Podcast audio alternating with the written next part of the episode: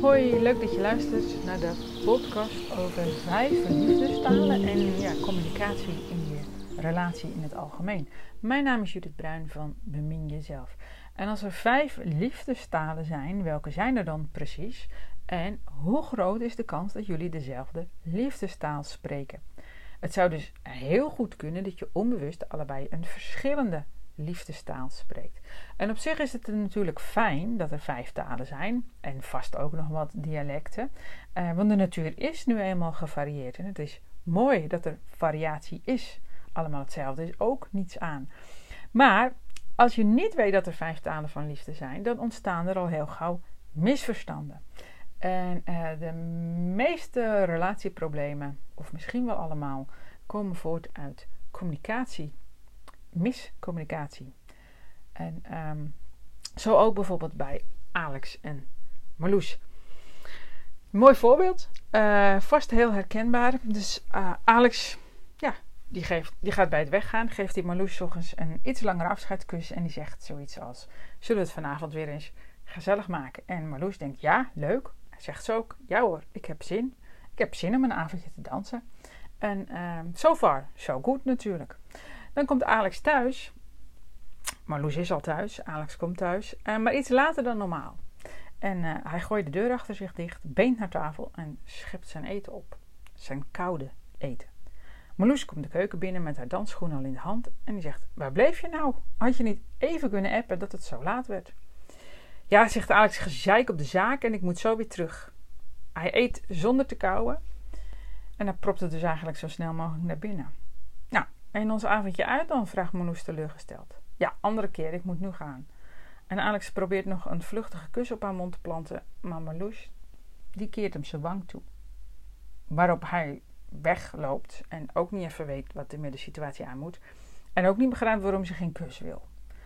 Dus wat gaat er nou niet helemaal goed? Wat zien Alex en Marloes over het hoofd? Want ik denk dat we dit allemaal op de een of andere manier meemaken in relaties eigenlijk voldoet die ander niet aan jouw verwachting. En het kan zelfs zijn dat die ander iets beloofd hebt, heeft, uh, waardoor jou, bij jou een verwachting um, ontstaan is.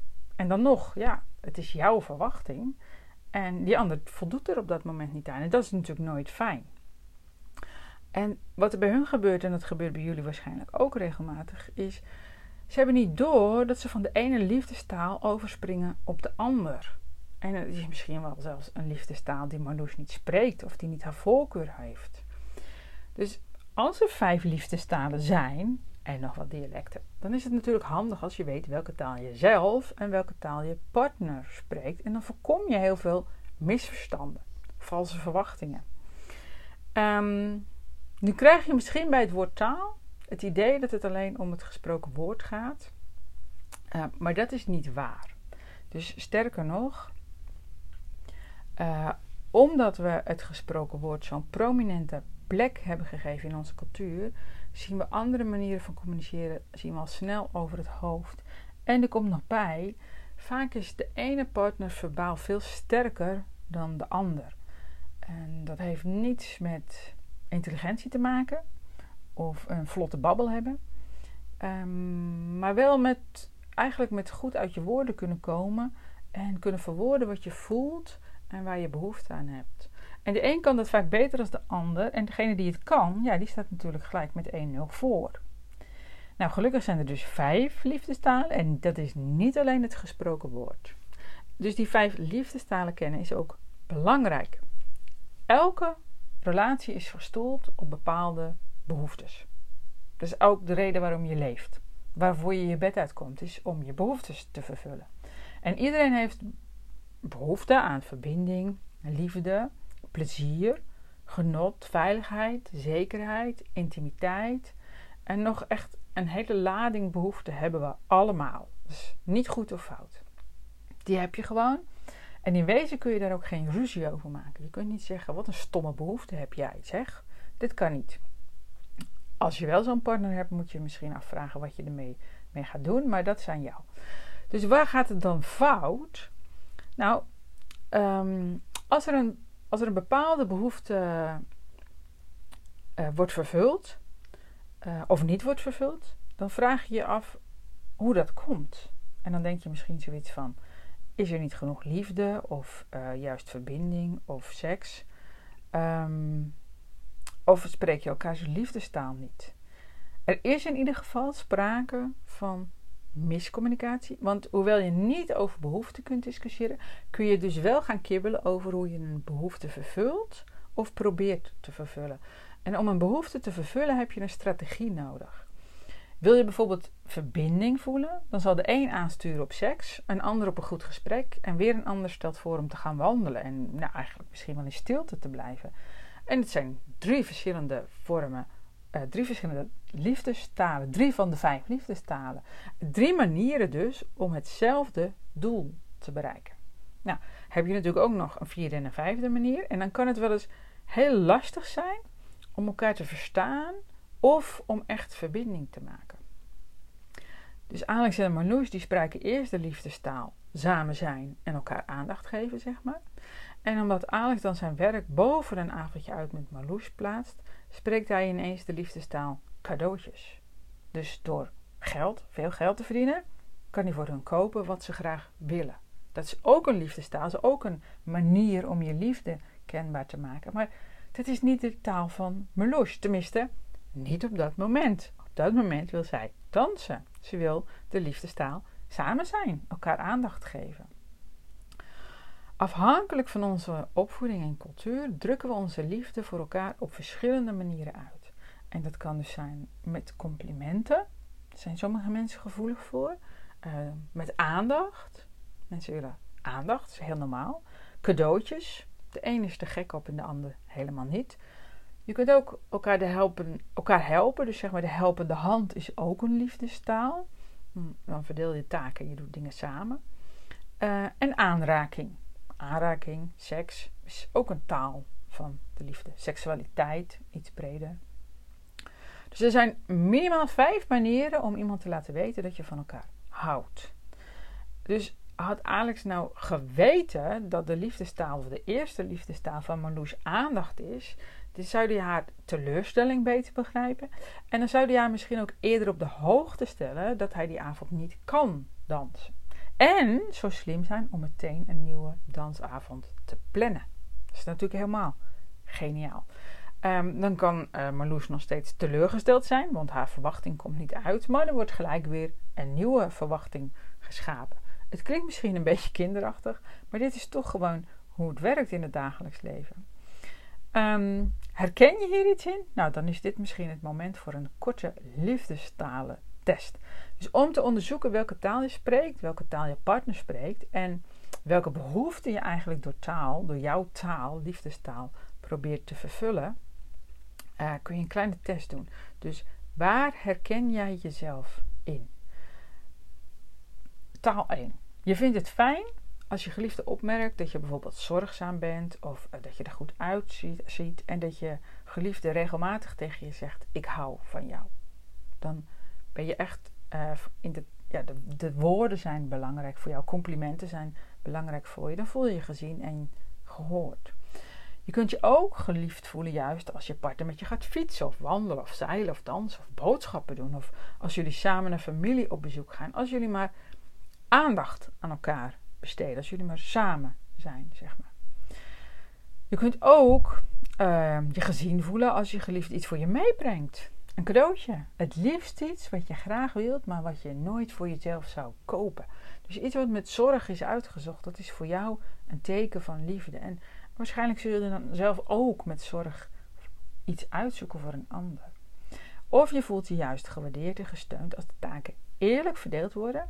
En dan ook nog zou het mooi zijn als jullie dan elkaar een beetje helpen bij klusjes. Dus ja, er moet een duidelijke taakverdeling zijn. Kun je ook iemand op aanspreken. En, uh, maar het is ook fijn als je elkaar helpt bij de klusjes die je hebt afgesproken. En er zijn natuurlijk ook klusjes, ja, zeg maar, die niets met de huishouding te maken hebben. En het is toch fijn als je elkaar kunt helpen. En er is een manier van liefde tonen en te ontvangen, uh, is door aanraking. Een hand die gedachteloos over een, uh, over een rug glijdt of een terloopse kus. En natuurlijk alles wat te maken heeft met seksualiteit. Het kan ook een massage zijn, hoeft niet eens erotisch te zijn. Um, gewoon iemand aanraken, dicht bij elkaar zijn, tegen elkaar aanzitten, is ook een taal van liefde. Weet jij nu welke taal jij spreekt? Toon je je liefde door complimenten, aandacht, cadeautjes, de helpende hand of aanraking? En spreek je dan dezelfde taal als je geliefde? Want vaak wil je het liefst aangesproken worden in een taal die je zelf spreekt. En uh, ben je nou niet bewust van al die vijf liefdestalen, dan denk je al snel dat jouw taal de enige juiste taal is. En dat de rest uh, niet goed genoeg is of er niet zoveel toe doet. Dus als jij dan je liefde uitdrukt door regelmatig iets leuks voor je partner mee te nemen en je krijgt nooit een cadeautje terug, dan kan dat gaan schuren. Dan denk je misschien van: mijn partner houdt niet zoveel van mij als dat ik van hem of haar hou. En door je te realiseren dat er veel manieren zijn om je liefde uit te drukken, en dan zie je hopelijk wel de moeite die je partner doet. En blijf je elkaar dus waarderen, ook als het niet jouw manier is om liefde uit te drukken. En misschien spreek jij wel twee van de vijf liefdestalen. Hè? Dat, dat zou heel goed kunnen. Misschien spreek je er wel meer. Afhankelijk ook een beetje van hoe je je voelt, wat je wilt. Uh, ik weet niet, zit je net in een, in een fase waarin je wil minimaliseren. Uh, dan, dan wil je misschien niet zoveel cadeautjes ontvangen. En uh, zit je in een fase waarvan je denkt, ik wil leven in overvloed en wil je ineens weer cadeautjes ontvangen. Kan allemaal? Ik geef maar een voorbeeld. En toch, met die talen, het is een beetje als met je moederstaal. Ben je Nederlands sprekend opgevoed, dan spreek je toch het liefst Nederlands als het erop aankomt, zeg maar. Als het echt belangrijk voor je is, dan druk je je gevoelens en je behoeftes toch het makkelijkste uit in het Nederlands. Dus dan rommelt het, dus als het een beetje rommelt in je, in je relatie en je zoekt verbinding, dan zul je dat automatisch in je eigen liefdestaal doen. Uh, spreekt je het partner die liefdestaal? Oh, dat is natuurlijk het makkelijkst. Maar spreekt hij of zij dan een andere taal, dan zal je geliefde de uitreiking die je doet om die verbinding te herstellen, niet altijd als zodanig opvatten. Ehm, hij zal misschien eerder gefrustreerd uh, afwachten wanneer jij nu eindelijk eens een teken van liefde en of blijk van waardering geeft op, op zijn of haar manier, in zijn of haar taal. Dus belangrijker nog dat je elkaars uh, liefdestaal spreekt, is dat je elkaars liefdestaal verstaat. Zodat het vertrouwen in elkaar hersteld wordt uh, en, en de liefdesverbinding weer voelt. Nou, als je daar een beetje hulp bij wilt, kijk dan gewoon een keer een webinar. Nu kan het ook nog zijn dat er helemaal geen communicatie is in een relatie. En dat is een, echt een veelgehoorde klacht van stellen. Geen communicatie, gebrek aan communicatie, miscommunicatie. Ja, spreken elkaars liefdestaal is het makkelijker om in verbinding te blijven. Maar zelfs dan nog, dan blijft het een uitdaging. Want voordat je het weet, vat je partner iets op wat je zegt of doet als een verwijt. Een eis, een commando, een klacht, een beschuldiging. En net als Niek. Janneke die is blij verrast als haar man Niek zoveel tijd aan hun zoon besteedt. Dus die zegt: Fijn dat jullie lekker samen gevoetbald hebben. Gek genoeg irriteert die opmerking me juist, want hij hoort geen compliment, maar een verwijt. Blijkbaar besteedde hij volgens haar eerder niet voldoende tijd aan hun zoon.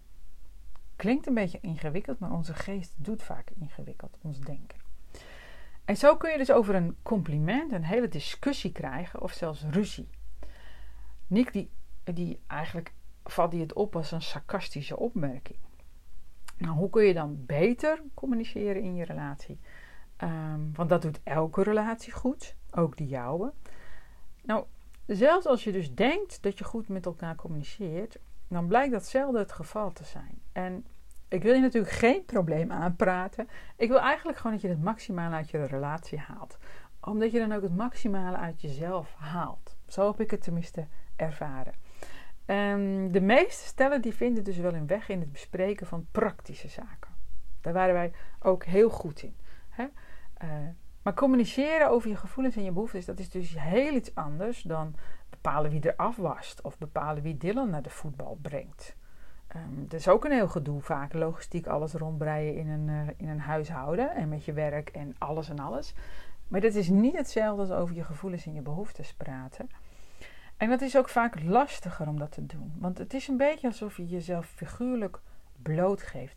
En daar heb je al een beetje verbinding voor nodig. En vaak als je druk bent en van je werk komt of wat dan ook, en je moet nog veel regelen, dan mis je een beetje de verbinding. De verbinding met jezelf, want je zit te veel in je hoofd, dus je, je bent niet verbonden met je bekken, zeg maar.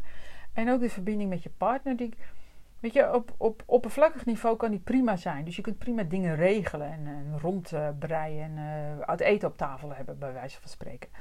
Um, maar dat is nog niet echt een verbinding en dat weet je wel, want uh, vanuit die drukte en die stress is het ook vaak heel lastig om seks te hebben, bijvoorbeeld. Daar heb je eerst een beetje ontspanning en verbinding voor nodig. En ja, praten over je gevoelens en je behoeftes is gewoon uh, vaak veel spannender nog dan, dan je letterlijk blootgeven. Dus je, heel veel mensen doen liever hun kleren uit en dan dat ze over hun gevoelens en behoeftes praten. En ja, je moeder die heeft wel geleerd om, om jezelf aan en uit te kleden. Maar uh, mijn moeder en mijn oma's ook natuurlijk, die hebben niets geleerd over het uiten van gevoelens en behoeftes. Eerder over het onderdrukken van gevoelens en behoeftes. want als kind mag je niet te druk zijn, uh, je mag niet slaan, niet schoppen, niet te hard praten, uh, niet, te, niet te luid blijven en niet te lang lachen. En niet schreeuwen natuurlijk. Dus ik zeg ook niet dat je elke emotie moet uitleven. Maar wel zou het heel fijn zijn als, als je van kinds af aan geleerd wordt hoe je je zo uitdrukt, uitdrukt, hoe je vorm geeft aan je emoties, dat ook nog de behoeftes van het kind, van jou als kind, vervuld worden. En ja, jong geleerd, oud gedaan, toch? Dus de kans dat je hebt geleerd uh, om je gevoelens en je behoeftes op een constructieve manier te uiten, is klein. En dat is jammer, want dat gebrek dat neem je mee in je liefdesrelatie. Ik vind het echt een gebrek. Ik, uh, ik ben erachter gekomen hoe gebrekkig dat voor mij was, in ieder geval. Uh, niet dat het nu makkelijker is, maar nu weet ik het in ieder geval. En nu kan ik het niet meer aanmerken als een gebrek, maar wel als iets wat ik steeds moet oefenen. Dus moeizame communicatie, dat zorgt ervoor dat je onnodig uit elkaar groeit. En dan is het heel verleidelijk om één van de partners de schuld te geven van die moeizame communicatie, omdat meestal één van beiden wat stiller is. En dan is wat je zegt veel belangrijker dan uh, hoe vaak je iets zegt. Dus er zijn mensen die een stortvloed uh, aan woorden spuien, maar die eigenlijk niks over zichzelf te vertellen. Dus diegene weet precies te vertellen waar het fout gaat en wat er fout gaat. En die vergeet dan te zeggen, die weet niet dat je er ook bij kan zeggen hoe je je daarbij voelt en wat je onderliggende behoeftes zijn. Dus eigenlijk gebruik je heel veel woorden, maar je zegt niet zoveel. In ieder geval niet over jezelf. Je laat jezelf niet echt zien. Dus wel gezellig, dat gekeuvel allemaal. En uh, het vervult ook zeker een behoefte. Uh, het kan ook een manier zijn om je te verbinden. Maar misschien niet de manier die je heel graag wilt. Zonder dat je dat allemaal door hebt. Hè? En als het dan een beetje schuurt in de relatie, dan zorgt dat helemaal niet voor meer verbinding. En eerder het tegenovergestelde. Want in de meeste gevallen is de communicatie in de relatie al niet zo goed of slechter geworden. En misschien heb je zelfs al de hoop een beetje opgegeven. Niet doen. En uh, zeer waarschijnlijk spreken jullie ook niet helemaal dezelfde liefdestaal. Dus de kans dat je je, dat je, je volledig, volledig gehoord, gezien, begrepen, geaccepteerd voelt, is niet zo groot. En dan mis je dus een intieme verbinding. En dat doet pijn. Het maakt je ook onzeker. Je zit minder lekker in je vel. En als dat jou, bij jou het geval is, of bij je partner, dan voelt een opmerking uh, die je partner maakt of iemand anders, uh, of een vraag die gesteld wordt, die, een verzoek eigenlijk, die voelt al snel als een beschuldiging of een eis of een commando. Want je zit niet zo lekker in je vel en je hoort altijd wat je horen wilt. Dus als, als je de verbinding mist, dan hoor je eigenlijk nooit de goede bedoelingen van je partner. En dat interpreteer je al heel snel op een negatieve manier. En daarmee bewaarheid je, zoals het ware, je eigen negatieve gedachten weer. Het is heel een beetje eh, gemeen eigenlijk hoe dat in elkaar zit. Nou, nou is er een manier van communiceren waarbij je relatie onmiddellijk opbloeit. Iets waardoor je heel snel weer verbinding voelt. En dat is voor de meesten dus niet zo gemakkelijk. Maar heb je door hoe je dat doet, dan verandert alles. Het enige wat je hoeft te doen is je gevoelens en je behoeftes onder woorden te brengen. Um, want gewoon zeggen wat je wilt, zonder erbij te vertellen wat je voelt of waarom je het wilt, dus wat je behoefte is, dat wordt razendsnel opgevallen als een opdracht, een claim, een bezwaar. En dat is niet omdat jij iets verkeerd doet, maar omdat je partner eigenlijk een stem uit het zijn verleden hoort. Een stem die bijvoorbeeld zegt tegen diegene, hè, dus zo'n zo'n stemmetje, ik noem het altijd de Muppets, die zitten dan in je boven, boven het balkon, in jouw bovenkamer, zitten de hele tijd tegen elkaar te kleppen. En die zeggen dan dingetjes als, uh, nou, dat ben je helemaal niet waard. Of uh, wie houdt er nou van jou? Um, of uh, ja, als ik doe wat hij of zij vraagt, als ik doe wat mijn partner vraagt, ja, dan raak ik de controle kwijt. Straks wil ze nog meer. Straks wil ze alles. En op die manier, als, als die stemmetjes de hele tijd door je hoofd spoken, eh, dan komt er dus eigenlijk op een hele verwrongen manier bij jou binnen wat je partner echt zegt. Um, en ook, het komt ook een beetje verwrongen, omdat je partner uh, niet echt zegt uh, wat, wat ze wil. Want alleen zeggen wat je wilt of wenst, dat is gewoon niet genoeg om een luisterend oor te vinden. Je moet dus ook nog je gevoelens en je behoeftes communiceren. Dus dan bekrachtig je daarmee je verbinding of je verstevigt, je verstevigt het. Of je brengt het opnieuw tot stand. En ja, waarom gaat het dan zo vaak mis? Ten eerste is dit oefenen. Je gevoelens en je behoeftes onder woorden brengen is gewoon om oefenen. En onbewust kiezen we gek genoeg helemaal niet zo vaak voor verbinding. Zonder dat je het doorhebt, wil je eigenlijk liever gelijk hebben. Je wilt gewoon het gelijk aan je kant hebben. Je bent misschien wel boos, gefrustreerd, moe. Maakt niet uit. En je wilt gewoon gelijk hebben en een punt erachter kunnen zetten en een soort van door met je leven. En heb je helemaal niet door dat je uit verbinding bent met jezelf. En dus ook uit verbinding bent met die ander. En dus dat verbinden helemaal niet op de eerste plaats staat. En als je natuurlijk gelijk krijgt, dan moet die ander zich aanpassen. En dan hoef je niets aan jezelf te veranderen. Dat is heel fijn natuurlijk. Vooral als je moe bent of boos of wat dan ook. Dan hoef jij tenminste niet te veranderen. Moet die ander gewoon veranderen. Punt. We kunnen door. Nou, dat werkt niet. Dat heb je al gemerkt. En, en bovendien, je partner doet vaak precies hetzelfde. Of hij trekt zich helemaal terug of zij, of, of hij doet hetzelfde. En voordat je het weet, heb je er natuurlijk ruzie. En je belandt in een soort van padstelling, want je wilt allebei gelijk. Je bent allebei die verbinding kwijt. Uh, je weet niet hoe je bij elkaar moet komen. Je denkt gewoon, ik heb gelijk, die ander moet het toegeven en dan hebben we weer verbinding. Nou, dat is niet waar. Niemand vindt het leuk om ze ongelijk toe te moeten geven. In eerste instantie in ieder geval niet. Vooral niet als je boos bent en uit verbinding. Pas als je in verbinding met jezelf bent, kun je denken: hmm, oké, daar zit wat in. Misschien. Laat ik het eens onderzoeken. Dan ontstaat er verbinding. Maar dat ontstaat omdat je al verbinding met jezelf had. Kun je het nog een beetje volgen? Ik hoop het. Ehm, en natuurlijk kun je niet bij elke zin zeggen wat je voelt en wat je behoeftes zijn. Dat zou ook uh, vreselijk onnodig zijn en heel veel woorden. En ik zou er heel moe van worden. Um, maar als er iets, iets moeilijks speelt in je, in je relatie, of je wilt iets veranderen in je relatie, voor verandering is dit echt nodig, dan moet je zeggen wat je voelt en waar je behoefte aan hebt. Dus als je aan de ontbijttafel zit en je vraagt om de boter, dan hoef je niet bij te zeggen dat je behoefte hebt aan iets vettigs en dat je je voldaan voelt als je boter hebt gegeten, bijvoorbeeld. Maar zit je aan diezelfde tafel en wil je daarna wel even hulp bij het afruimen, uh, dan is het wel zinnig om over je behoeftes en je gevoelens te communiceren. Want anders denkt die ander al gauw dat hij een klusje krijgt opgedragen. Dus als je zegt, nou, als jij nou even die tafel opruimt, dan bla bla bla, vast een heel goed logistiek plan komt erachteraan.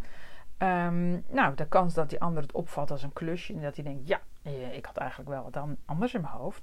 Um, dus de kans dat het wordt vervuld of mopperend wordt vervuld is, uh, nou, de kans dat het vervuld wordt is niet zo groot en de kans dat het als het vervuld wordt mopperig gaat, is wel weer wat groter. Maar als je nou bijvoorbeeld iets zegt van, uh, nou, alle ontbijtspullen staan nog op de tafel. Um, ik heb behoefte aan orde, of gezelligheid, of samenwerking of zoiets. En als de, tafel ruim, als de tafel ruim is, dan voel ik me blij, of, gerij, of vrij, of gerustgesteld, of uh, vrolijk. Wil je me helpen met opruimen? Nou, welke opmerking denk je dan dat je meer verbinding voelt? De eerste klinkt toch een beetje als een opdracht. Als jij nou even de tafel opruimt, dat is beetje een opdracht. Als je zegt, nou, alles staat nog op tafel. Ik heb behoefte aan uh, gezelligheid. En uh, als de tafel ruim is, dan voel ik me lekker vrolijk. Wil je me helpen opruimen? Het zijn maar een paar zinnetjes verschil. En um, de kans dat er aan je verzoek wordt, vrolijk wordt voldaan, zeg maar, uh, is groter. Als je dus je gevoelens en je behoeftes mededeelt. Het is eigenlijk een mededeling. En daarmee laat je iets van jezelf zien. Je wordt zichtbaar. En dat zorgt voor verbinding, zelfs als je verzoek niet wordt vervuld. Want je partner kan ook zeggen zoiets als: Ja, dat zou kunnen. Uh, ik uh, zie dat het gras heel hoog staat. Uh, ik heb behoefte aan, schoonheid. um, ik kan me niet voorstellen dat mijn vriend dat zou zeggen, maar goed. hij, heeft bijvoorbeeld, hij heeft misschien behoefte aan, aan orde. En hij wil dat met gras maaien, want het is mooi weer. En hij voelt zich ontspannen als hij even achter de grasmaaier loopt. En dan zegt hij ook waar hij behoefte aan heeft en, en, wat hij erbij voelt. En dan is het voor mij heel normaal dat ik zelf die tafel opruim. Of dat ik het probeer bij iemand anders. Kan ook, hè? Dus uh, of nou wel of niet die behoefte op dat moment vervuld wordt, je zorgt voor verbinding, want je bent zichtbaar. Eigenlijk zou je dit natuurlijk op de basisschool moeten leren. Hè? En dat is niet gebeurd. En dat is jammer, want je kunt heel veel ellende hiermee voorkomen. Dus het is niet zo gek als je alsnog kiest voor een training als bemin elkaar of zo. En nu, want daar komt heel veel communicatie ook aan, aan de orde. Want je kunt op twee manieren communiceren: met woorden en aanraking. En allebei zijn ze even belangrijk. Want aanraking is zelfs je eerste taal. Denk maar aan een baby. En daarom is de training Bemin elkaar ook gestoeld op vijf pijlers. En de twee grootste pijlers zijn communicatie en seksualiteit. Want die twee gaan hand in hand. Er is geen emotionele intimiteit. Um, als die er niet is, als er geen emotionele intimiteit is, dan droogt uiteindelijk de seksuele re relatie, de seksuele intimiteit ook op. Emotionele intimiteit is de sapstroom van je relatie. Dus de mate waarin je emotioneel beschikbaar bent, bepaalt, betaalt eigenlijk ook misschien wel, bepaalt uiteindelijk de kwaliteit van je seksuele relatie. Dus hoe beter je kunt communiceren over je gevoelens en behoeftes, en dan hoef je dus niet per se over de afwas te gaan of over het gras maaien, um, maar des te meer emotioneel beschikbaar je bent als je dat kunt, en des te leuker het in de slaapkamer wordt. Gek genoeg. Dus het zorgt op twee fronten op verbinding. Hoe je het een doet, doe je ook het ander. Dus heel bijzonder is dat, hoe dat werkt, vind ik. Ik vind het heel bijzonder. Um, dus, want elke keer ook als er een stel bij mij komt met problemen in de relatie, dan komt het altijd neer op communicatie. Kijk, want eigenlijk is seksualiteit is een soort van niet zo moeilijk. Seksuele aantrekkingskracht is wat jullie bij elkaar gebracht heeft. Maar het is niet wat je bij elkaar houdt. En um, als je emotioneel niet goed beschikbaar bent, dan ontstaan er spanningen, uh, onveiligheid. En um, ja, dat maakt eigenlijk seksualiteit heel gecompliceerd. En dan ontstaat er een soort duivelspel van aantrekken en afstoten. En ogenschijnlijk gaat het over uh, seksualiteit, maar eigenlijk gaat het over emotionele beschikbaarheid. Dus je probeert uit bij je partner ben je er als ik je nodig heb? Hou je ook van me als ik boos of verdrietig ben? Geef jij me wat ik nodig heb? Kun je van alles van vinden van die vragen? Want in wezen kun je dit allemaal in jezelf oplossen natuurlijk. Als de verbinding met jezelf hersteld is, kun je dit ook allemaal zelf. Tegelijkertijd heb je een relatie en in een relatie kun je andere dingen ervaren, leren, oplossen als dat je in je eentje doet. Dus het is heel logisch dat je jezelf deze vragen onbewust stelt. Um, natuurlijk zitten we met z'n allen vaak in een relatie om dingen te halen. Dat is nou eenmaal zo. En dat komt omdat we allemaal een beetje leeg zijn van onszelf. Um, ik, dus dat is weer een ander onderwerp. Um, als je van jezelf wat voller bent, en daar bedoel ik niet mee je gewicht, maar vol van energie, zeg maar. Dan, heb je, hoef je niet zoveel te halen in een relatie. En dan gaat dit ook wat minder spelen. En tegelijkertijd, als je ook wat voller bent van een, in je energie, je seksuele energie, je levensenergie, dan vind je het ook makkelijker om jezelf te laten zien. Want een afwijzing komt minder hard aan. Ik bedoel, de angst die onder het jezelf laten zien, uh, je gevoelens en je behoeftes uiten zit, is dat je afgewezen kunt worden. En afwijzing is nooit fijn, maar hoe voller je bent van jezelf, hoe makkelijker zo'n afleiding ook, afwijzing ook weer uh, langs je heen glijdt, als het ware. Nou, wil je nou leren hoe je die emotionele intimiteit opbouwt en daarmee ook je seksuele relatie? Kijk dan gewoon eens op de pagina Training Bemin elkaar. Kijk gewoon of dat voor je, wat voor je is. En dan ontdek je dus hoe je op een zuivere, verbindende manier met elkaar communiceert. Zowel via woorden als aanraking. Die twee gaan hand in hand. Die zijn even uh, belangrijk in mijn optiek. Um, je kunt natuurlijk ook gewoon een keer een webinar kijken. Maar wat je ook kiest, hoe je ook gaat communiceren, bemin elkaar. Dank voor het luisteren.